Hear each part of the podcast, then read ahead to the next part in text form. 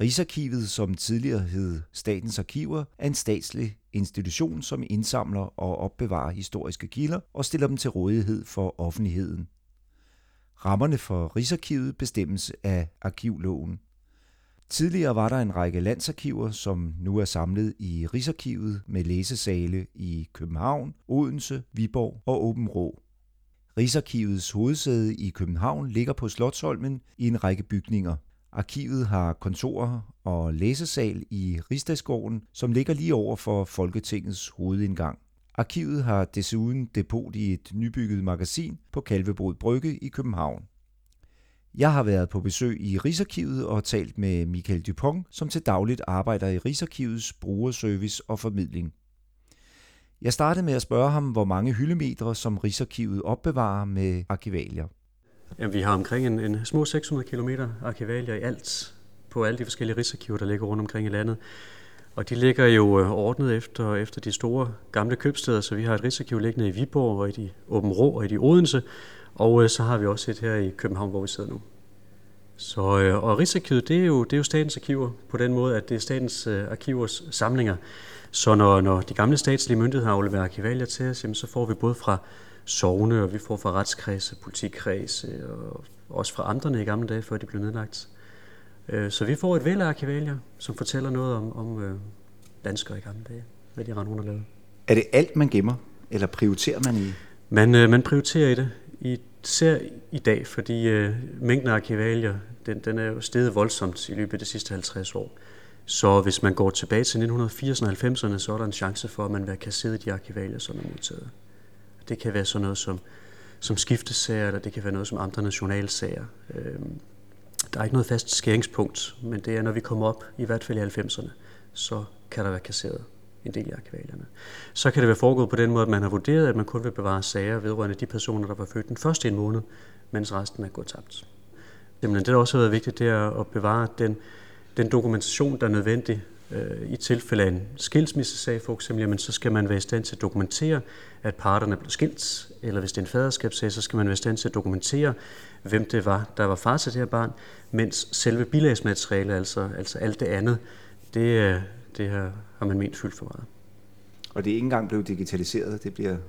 Nej, det er simpelthen en vurdering, vurdering okay. ja, fra myndighed til myndighed, hvilke arkivalier de har, og hvad der skal gemmes, og hvad der skal bevares. Det, der er vigtigst, det er, det er dokumentationen. Okay. Ja, for 50 år siden, der var det jo på papir. Ja. I dag, der forestiller mig, at der er rigtig, rigtig meget elektronisk materiale. Det er der i hvert fald, ja. Er det blevet ja. vanskeligt at få fat i det? Der er nogle andre udfordringer forbundet med det i hvert fald, men vi modtager rigtig mange ESTH-systemer, og øh, der vurderer man i mange tilfælde også, at, at øh, der vil man hellere gemme det hele, fordi det fylder på en anden måde, end hvis man skal til at, til at have kilometer af der kilometer arkivalier stående. Mm. Så øh, ESTH-systemer, det er jo, hvor du både har indgang til sagerne, altså en journal, og så har du også mulighed for at gå ind og klikke og se de enkelte dokumenter. Men det er klart, at der er nogle helt andre udfordringer bevare, forbundet med at bevare de her ESTH-systemer, modsat hvis det er gamle papirarkivaler. Der skal du realiteten bare have en, have en æske, hvor du kan lægge de her papirer i, og så skal du bare sørge for, at der ikke kommer øh, muk og svamp osv., men at de, de bliver bevaret under ordentlige forhold, så vil du stadig kunne åbne den her æske om 50 år. Der er jo nogle andre udfordringer forbundet med det, hvis det er digitale arkivalier. Og hvad er det for nogle udfordringer? Jamen det er jo i først og fremmest det her med, at man i det hele taget skal være i stand til at modtage det, og så, at man skal kunne læse det på længere sigt. Så det har jo noget at gøre med, at man skal finde nogle systemer, hvor man kan gemme de her digitale arkivalier i og være i stand til at næste gang, når der kommer nogle nye systemer, så skal man være i stand til stadigvæk at kunne læse de her elektroniske arkivalier. Nå ja, for jeg tænker jo kun 50 år frem. Det er jo også vigtigt, at man kan tage dataene om 500 år. Præcis, vi gemmer jo, i, i realiteten gemmer vi for, for evigheden, så det, det gælder om, at vi også kan læse de her ting om 1000 år. Vi har jo arkivalier, vores samlinger, som øh, knap og nappe 1000 år gamle, men når vi kommer tilbage til 1100-tallet og 1200-tallet, så begynder vi at få flere arkivalier. Når vi så når frem til 1500-tallet, så begynder der at komme rigtig mange arkivalier.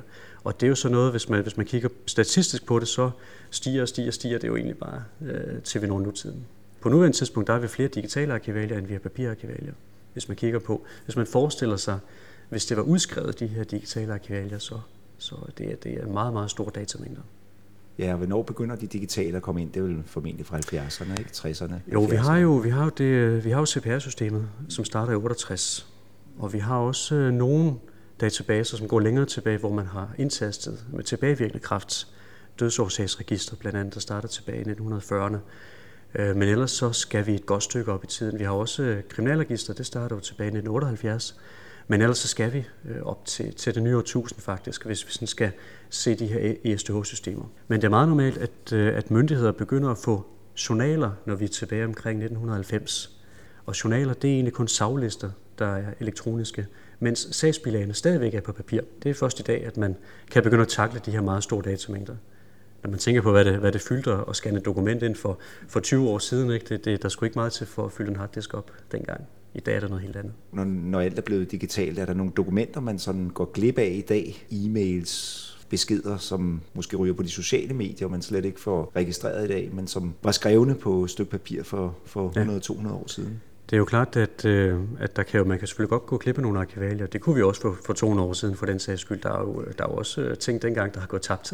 Men i dag så har vi også den, øh, øh, vi har en, en, en del at gøre med i forhold til, til indsamling af private arkivalier. Så Rigsarkivet kontakter faktisk også øh, folketingsmedlemmer for at høre, om de kunne tænke sig at aflevere private e-mails, eller e-mails, som knytter sig på en eller anden måde til deres, øh, deres øh, virke som embedsmænd. Vi gør vores for ligesom at sikre de her ting. Men det er klart, datamængden i dag er så enorm, så det, det kan være meget svært at følge med ude i den virkelige verden. Ja, så vide, hvad der er interessant om 200 år. Ja, det, er jo det, også det, det kan man aldrig vide. Man kan jo selvfølgelig ikke nogen planer at, at forestille sig, hvordan det vil se ud. Men det er, jo, det er jo noget, man må vente 200 år med at se, hvad der kan være spændende til den tid. Der er der ikke nogen tvivl om, at hvis vi går tilbage til 1500-tallet, så er der, der mange ting, vi godt kunne tænke os var bevaret i dag, som man dengang har syntes var fuldstændig ligegyldigt. Ja, det er klart. Så. Hvad er det ældste dokument, de har i Rigsarkivet?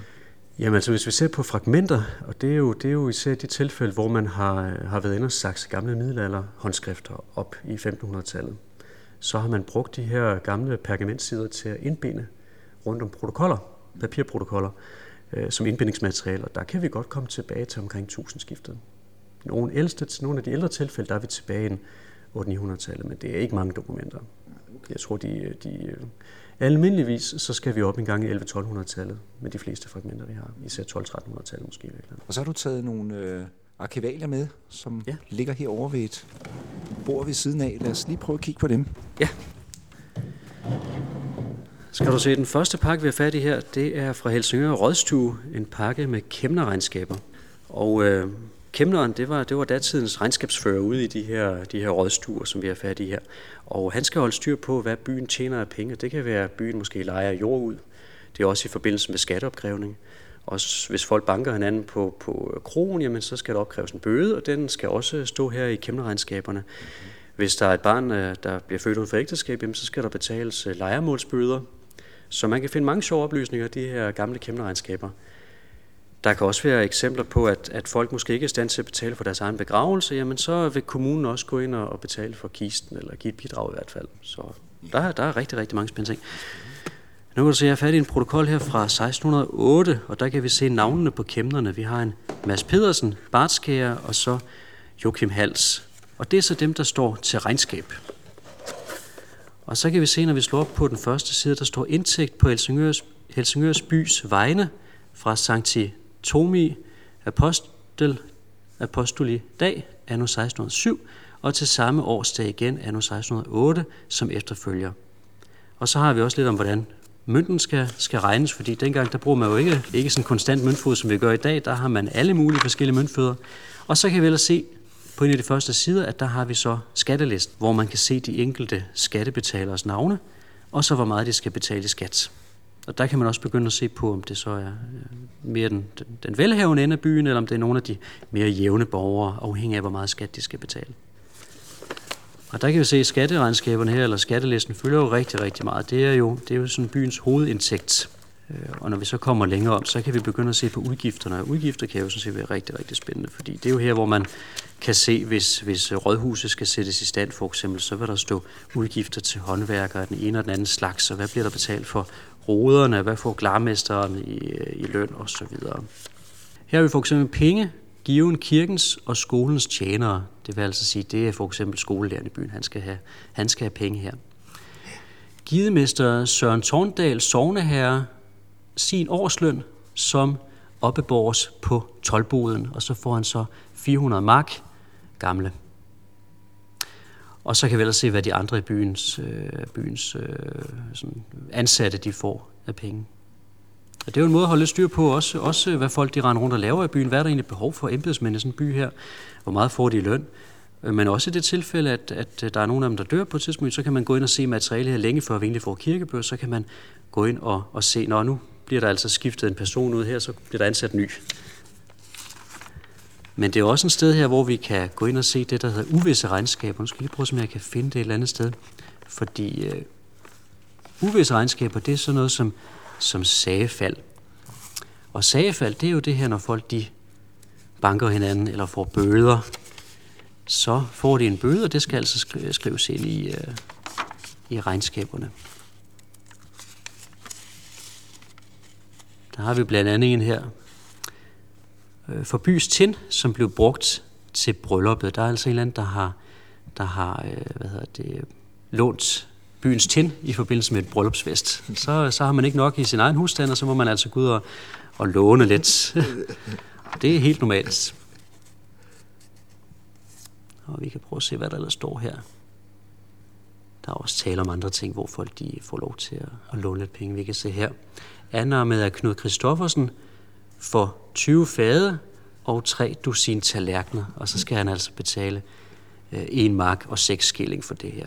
Så man kommer sådan lidt, øh, lidt Der er mange sjove historier i sådan en her, og det er jo endda kun én bog ud af, af mange, og det er jo kun fra én rådstue. Ja, og nu er vi så heldige med, med Helsingør, at, at der er materialet også rigtig, rigtig godt bevaret. Fordi okay. ser vi på andre købsteder, så skal vi et godt stykke op i tiden. Vi skal måske op i 1700-tallet, før vi får noget lignende faktisk. Mm-hmm. Og det er fordi Helsingør er helt enestående arkivalisk set. Nå, okay. Det er utroligt, men både, både byens rådstue og byens kirke og byens hospital og, og byfod, de har simpelthen været utrolig gode til at bevare deres arkivalier. Har det været en kultur dengang, eller er det, det bare fordi det har... Altså... Man kunne forestille sig, at de har haft et eller andet godt arkivrum i hvert fald i byen, hvor man kunne gemme de her ting, fordi hvis vi ser på andre købsteder, andre sogne og så Så brændte det en gang imellem. Ja, ja, lige præcis. Og Helsingør har heller ikke brændt siden en gang i første halvdel af 1500-tallet, så det gør selvfølgelig også meget. Ser vi for eksempel på København, så er den store brand i 1728 har jo for eksempel ødelagt rigtig, rigtig meget for byens øh, historie. Det er jo noget af det her, vi har. Vi har også andre, andre spændende ting. Nu har vi jo 500 km arkivalier, som sagt, så, så der er jo nok at, nok at vælge imellem. Og de her kasser, de ligger jo faktisk ikke normalt herinde. De ligger jo i et højlager. Jo, jo. Uh, Rigsarkivets uh, bygninger inde på Slottsholmen, der, der har vi ikke særlig mange arkivalier længere, fordi vi har, vi har lavet nogle uh, nye magasinbygninger ude på Kalbrød Brygge, mm. og der uh, ligger stort set alle vores arkivalier øst for Storbælt. Mm. Både for de lokale myndigheder øst for Storbælt, og så for de centrale myndigheder, der dækker hele landet, det vil sige ministerier og kongehus osv. Der, har, der ligger tingene der. Så alt, hvad man skal se, det, det er noget, man skal bestille på forhånd i god tid, for det skal hentes ned, måske 6 meter op fra et højlager. Okay, så bliver det hentet ude ved Kalvebrød ja. Brygge, og så kørt herind, og så er, publikums, så er der en eller anden publikumssal, hvor man kan komme ind og så sidde og læse det herinde. Ja, præcis. Man skal gå ind på vores hjemmeside, den der sa.dk, og så kan man gå ind i vores øh, arkivdatabase, mm-hmm. DAISY, mm-hmm. som ligger midt på hjemmesiden, og der kan man forsøge at søge sig frem til de her arkivalier. Mm. Og hvis det går fuldstændig galt, så kan man selvfølgelig altid øh, kontakte læsesalen eller ringe til, til Rigsarkivets øh, spørgevejledning, så kan man gå ind og få hjælp der. For det er lidt af en labyrint. Det er ingen, ingen tvivl om det. Men så kommer det her ind, og så får man adgang til det nede i, ja, i læsesalen. Der, og ja. det er jo originale ting, for eksempel fra begyndelsen af 1600-tallet her. Hvis det er ting, der er filmet eller findes scannet på vores hjemmeside, så skal man bruge det først og fremmest. Men ellers så, så er det originaler. Hvor meget af det er scannet ind? Altså for eksempel de her, de er scannet ind? Nej, lige præcis kæmperegnskaberne, de er ikke, men, men hvis det er arkivalier, man, man mener har en stor interesse, en bred interesse, det kan være kirkebøger, folketællinger, øh, jamen så, så er tingene scannet. Mm. Og vi scanner på livet løs, så der er masser at komme efter der. Rigtig mange af de ting, som, som slægtsforsker eller personalhistoriker har en interesse i, de ligger scannet. Og, øh, selv, selv de arkivalier, hvor vi ikke scanner så meget, eller de arkiver, hvor vi ikke scanner så meget, der har vi især scannet indgangsmidler. Og indgangsmidler, det er sådan noget som journaler og journalregistre, navnekartoteker, navneregistre. Så det er noget, der, der går ind i stand til at finde et sagsnummer. Og så skal man så have fat i sagsakterne. Det ligger så ikke scannet, der skal man bestille det. Men tanken er, at det hele skal scannes på et tidspunkt, måske? Eller, altså, det, ja, det kunne man forestille sig. Det, det tager nogle, ja, altså i forhold til vores samlede masse arkivaler, så er det nogle relativt få procenter, vi har scannet på nu en tidspunkt. Men man kan sige, at det er også nogle af de vigtigste ting, der er blevet scannet. Men igen, hvad der er vigtigt, det er jo også noget, der skifter fra tid til tid. Ja, det er klart. Men, men lige nu, så er det de vigtigste ting. Man skal ikke have handsker på eller noget, når man... Nej, handsker, det bruger vi faktisk ikke. Det, det er egentlig kun i forbindelse med, med, med pergamenter. Men, men ellers, øh, og det er jo selvfølgelig en opvejning af, om, om, om det for det første, hvor tit bliver arkivalerne overhovedet brugt. Når vi har de der mange kilometer arkivalier, så er det jo de færreste pakker, der bliver brugt særligt tit. så, øh, og hvis det er noget, der bliver brugt meget, for eksempel kirkebøger, jamen, så har man sørget for at scanne det, og på den måde bevare det for eftertiden. Så vi kan sige, sådan en pakke som kæmperegnskaberne der, jamen det er måske en gang hver 10 år, måske ikke engang, det, det er måske ovenikøbet sjældnere, at sådan en pakke vil være åbnet og bladret lidt i. Og øh, hvis man arbejder, har, har arbejdet med bomuldshandsker på, så vil man også opdage, hvor svært det faktisk er at fange de her sider her. Så altså, det er også en opvejning. Det er meget svært at styre, styre arkivaler, når man sidder med bomuldshandsker, fordi du har ikke den der finføling med tingene. Det har du altså med fingrene i stedet for. Og selvfølgelig skal ikke sidde og begynde at gnide for meget rundt. Man skal selvfølgelig behandle tingene ordentligt. Men er der ikke også en god kultur for det? Jo, det er der. Ja, blandt det er brugerne. bestemt. Og så kan man jo altid tage billeder af tingene, man sidder med. Så hvis man, hvis man falder over noget, man synes er spændende, så er der ikke nogen grund til, at man sidder og nuser rundt med den samme pakke i 14 dage. Så kan man bare tage billeder. Det må man gerne. Man må, Det må man fotografere gerne. alt herinde. Eller? Stort set alt. Der, er- der er nogle undtagelser i forbindelse med, hvis det er meget nyt materiale, hvor man mener, at, øh, at, at der i de her vilkår for benyttelsen står, at man ikke må affotografere, men så vil det i hvert fald være noget, man får at vide specifikt. Generelt set, så må man gerne fotografere. Så er der en pakke mere med. Ja, Det var faktisk to pakker mere med, ja. Mm. Det ene, vi har fat i her, det er kongehuset Christian 4. Christian 4's egenhændige breve fra 1636 til 1640. Og han skrev jo mange breve. Han skrev rigtig mange breve. Hvad, hvad han ikke magtede at, at holde styr på detaljer og, og så videre. Ja, der kan du se engang hans egenhændige underskrift. Det er Christian, som han skriver ned Med på sang siden. af det hele.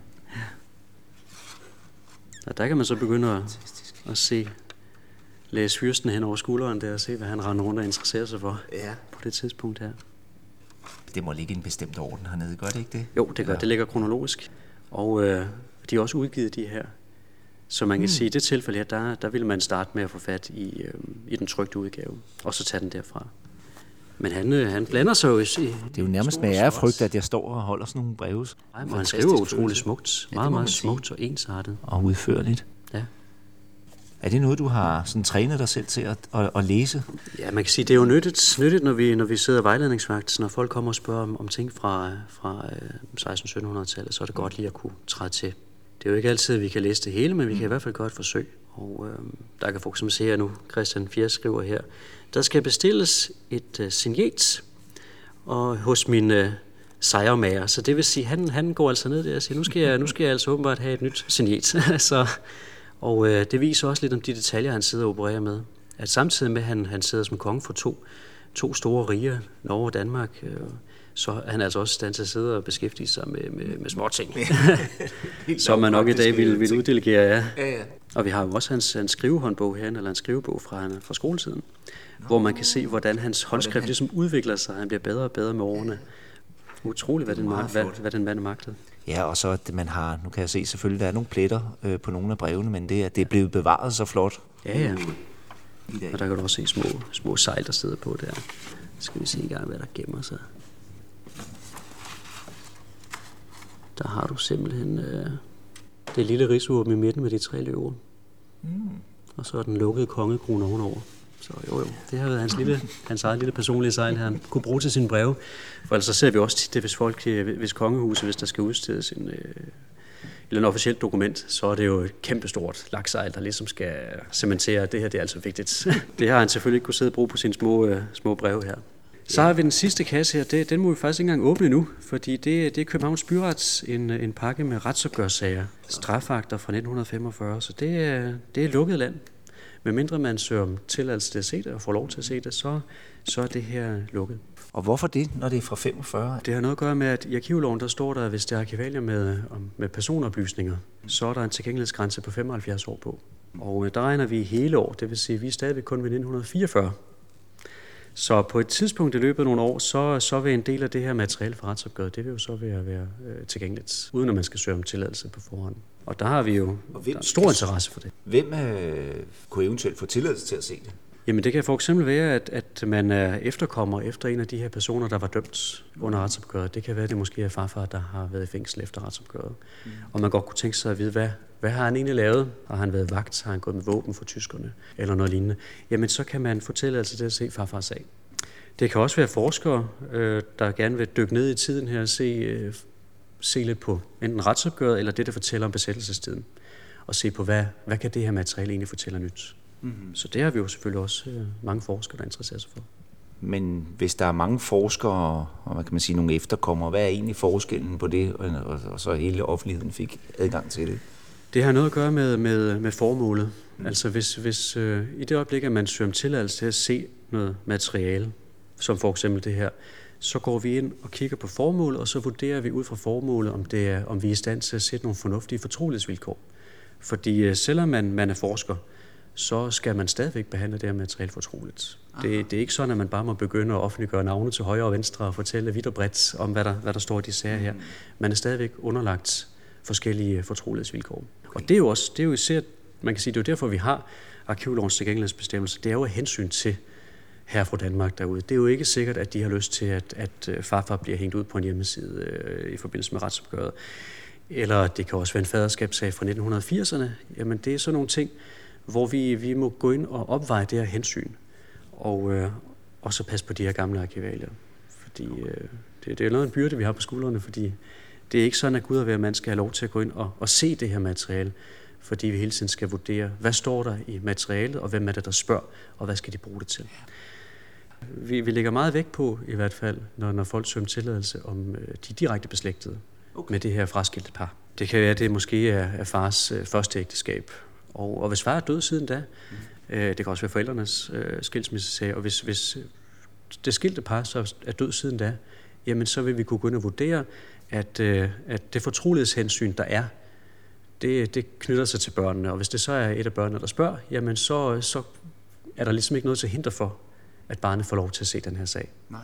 Men det er klart, hvis det er, hvis det er manden i skilsmissesagen, hans fætter, der godt kunne tænke sig at se, hvad var det egentlig, de skændtes om dengang, så vil vi gå ind og, ind og spørge ansøger, kan du komme et samtykke fra det fraskilte par eller deres direkte efterkommere. Det lægger vi meget vægt på som udgangspunkt af hensyn til privatlivets fred. Okay. Det er jo ligesom den helt, helt store det helt så alt, hvad der er personfølsomt, der hedder det øh, den tilgængelighedsfrist, det er 75, det er 75, det er 75 år, år. Ja. og derefter så bliver stort set alt frigivet. Præcis, præcis. Der kan være nogle undtagelser. Der, er også, øh, der kan også være den undtagelse, at, øh, at arkivloven som udgangspunkt, så siger arkivloven jo, at alle arkivalier er frit tilgængelige efter 20 år medmindre de indeholder personoplysninger. Men, men derfor kan der også godt være nogle arkivalier, som, som kan være mere end 20 år gamle, og som ikke indeholder personoplysninger, som stadigvæk er klassificeret. Og det kan for eksempel være sådan noget som Udenrigsministeriets øh, arkivalier eller Forsvarsministeriet.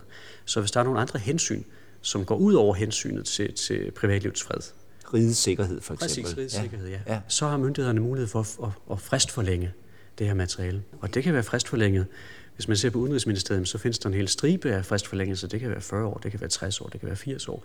Og det kommer an på, hvad man vurderer øh, rigets sikkerhed i forhold til den her tilgængelighedsfrist. Hvornår, er det, hvornår kan man øh, kvitt og frit lade, lade nabolandet for eksempel se hen over skulderen på Udenrigsministeriets ansatte og se, hvad de har skrevet om for eksempel Sverige eller Tyskland øh, på det tidspunkt. Hvem vurderer det?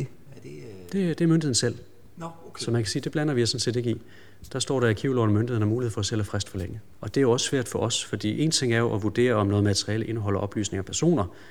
Det er lidt nemmere at vurdere, men det der med at vurdere, øh, om arkivalerne er til fare for rigets sikkerhed, det, det kræver simpelthen en anden type ekspertise. Det er klart, der skal en eller anden fagkompetence til det, Præcis. for at, at vurdere De det. De fleste vil jo nok bare stå i marmen og sige, det, det kan vi ikke sådan noget problem i, mens den person, der sidder i det pågældende ministerium, vil, vil sagtens kunne se, at der er altså et, øh, et hensyn at tage der. Er det så alle sager, man ligesom, eller er det hver enkelt sag, man sådan ligesom går ned i? Og det, kan være, det, jamen, det kan godt være, det kan godt være en, en, nogle pakker, hvor det er det hele, men det kan også være på dokumentniveau. Okay. Så når vi ser noget af det her materiale igennem, så gælder det om at holde øje med, om der er nogle, nogle stempler på, som fortæller, at der er noget særligt at tage hensyn til der. Så det længste, man kan fristforlænge, det er, det er 60 år? Som udgangspunkt ifølge arkivloven, så er det 60 år, men der er også mulighed for igennem arkivloven, at man kan fristforlænge yderligere. Hvis der er nogle specielle hensyn, så, så kan det være noget med det. Ved du, om, om det er ofte, det sker? Nej, jeg tror ikke, at jeg, jeg, jeg, tror, jeg tror kun, at myndighederne de gør det, hvis der er en grund til at gøre det. Fordi det er, det er jo også, øh, hvis folk så ønsker at se noget af det her materiale på et tidspunkt, øh, jamen så kan, vi ikke, så kan Rigsarkivet ikke øh, give adgang til det på egen hånd, hvis det er fristforlænget. Så skal vi simpelthen spørge myndigheden, så det falder tilbage på dem selv, hvis de, hvis de gør det lidt for hyppigt. Så, så der vil være en god grund til det, hvis, hvis der er noget, der er fristforlænget. Og ellers så kan de jo altid, har de også mulighed for at fjerne den her fristforlængelse, når de kigger det materiale igennem, og så vurderer, at der er ikke noget hensyn længere, så lad os, øh, lad os gøre det frit tilgængeligt i stedet for. Det har de også mulighed for. Hvad med private arkiver? Er det ham, der donerer øh, private arkivet, der bestemmer de vilkårene for, ja. hvornår man må åbne dem og kigge i dem? Præcis. Der skal, der skal selvfølgelig være en ræson i det. Det går ikke an, at vi modtager private arkiver, hvor man siger, at det, det, det skal være fuldstændig utilgængeligt til tid og evighed. Der skal ligesom være en ræson i det. Og, øh, og det vi plejer at vejlede, øh, vejlede i, det er jo selvfølgelig at få dem pejlet hen på arkivlovens bestemmelser. Det vil sige, de er 75 år. Fordi så, ligger det, så knytter det sig til den måde, vi, vi behandler ansøgninger for, øh, når, det, når det er statslige arkivalier. Men der kan også være private arkiver, hvor man måske øh, vil have forlænget det til 80 år, eller 90 eller 100 år, afhængig af de hensyn, som privatpersonen mener, der er. Så har vi også kongehusets arkiver, som, som er noget helt andet, øh, hvor der er taler om en større fristforlængelse. Så har vi også en ganske særlig ting, når det gælder straffesager for eksempel. Ja. At øh, nu har vi jo ganske vist noget fra 45 her fra retsopgøret. Det kan vi godt øh, selv tage stilling til at vurdere, om der skal gives tilladelse eller ej. Mm. Men hvis der er tale om strafferetsligt materiale, der er under 50 år, så skal vi først spørge den pågældende politikreds, den såkaldte afleverende myndighed, om de kan, kan, give, kan give deres samtykke. Og det, øh, det har vi jo en del, del sager med, kan man sige. Mm. For der er jo en stor interesse for nyere strafferetsligt materiale. Så det er altid en, en, en, en, længere, en længere sagsbehandling, når man skal spørge myndigheden først og vente på svar der. Hvem bruger mest øh, arkivet? Det, det er slægtsforskere, uden tvivl. Det, det er vores allerstørste kundegruppe. Mm. Også fordi rigtig mange af vores ting, øh, rigtig mange af vores arkivalier ligger scannet på nettet i dag. Det vil sige, så kan man jo sætte hjemmefra og sidde og slægtsforske og bladre kirkebøger, folketællinger, skifte protokoller, hvad der ellers måtte være. Så det er helt sikkert vores allerstørste kundegruppe. Men vi har også rigtig mange, som sidder og arbejder med arkivalier på, på, på læsesalen. Det kan jo blandt andet være forskere, som arbejder med noget materiale, der ikke er scannet. Så vil de sidde dernede og, og protokoller. Man kan læse mere om Rigsarkivet på sa.dk. Her finder man et væld af oplysninger om at søge på arkivalier, og på hjemmesiden kan man blive klogere på, hvad man ellers kan bruge Rigsarkivet til. På hjemmesiden kan man også se åbningstider, adresser og hvordan man kommer i kontakt med Rigsarkivet. Se mere på sa.dk.